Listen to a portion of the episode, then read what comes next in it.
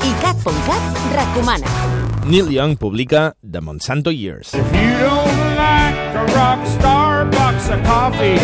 Pocs mesos abans de fer 70 anys, el canadenc fa un nou exercici per demostrar que continua sense mossegar-se la llengua a l'hora d'expressar la seva opinió. Ho fa en una obra creada amb el grup Promise of the Real, que és una crítica ferotge a les grans corporacions alimentàries com Monsanto, Starbucks o Walmart. Si en voleu saber més, demà al matí David Talleda publica la crítica del 36è disc d'estudi de Neil Young. Llegeixeu a icat.cat. icat.cat, 24 hores de música i cultura pop.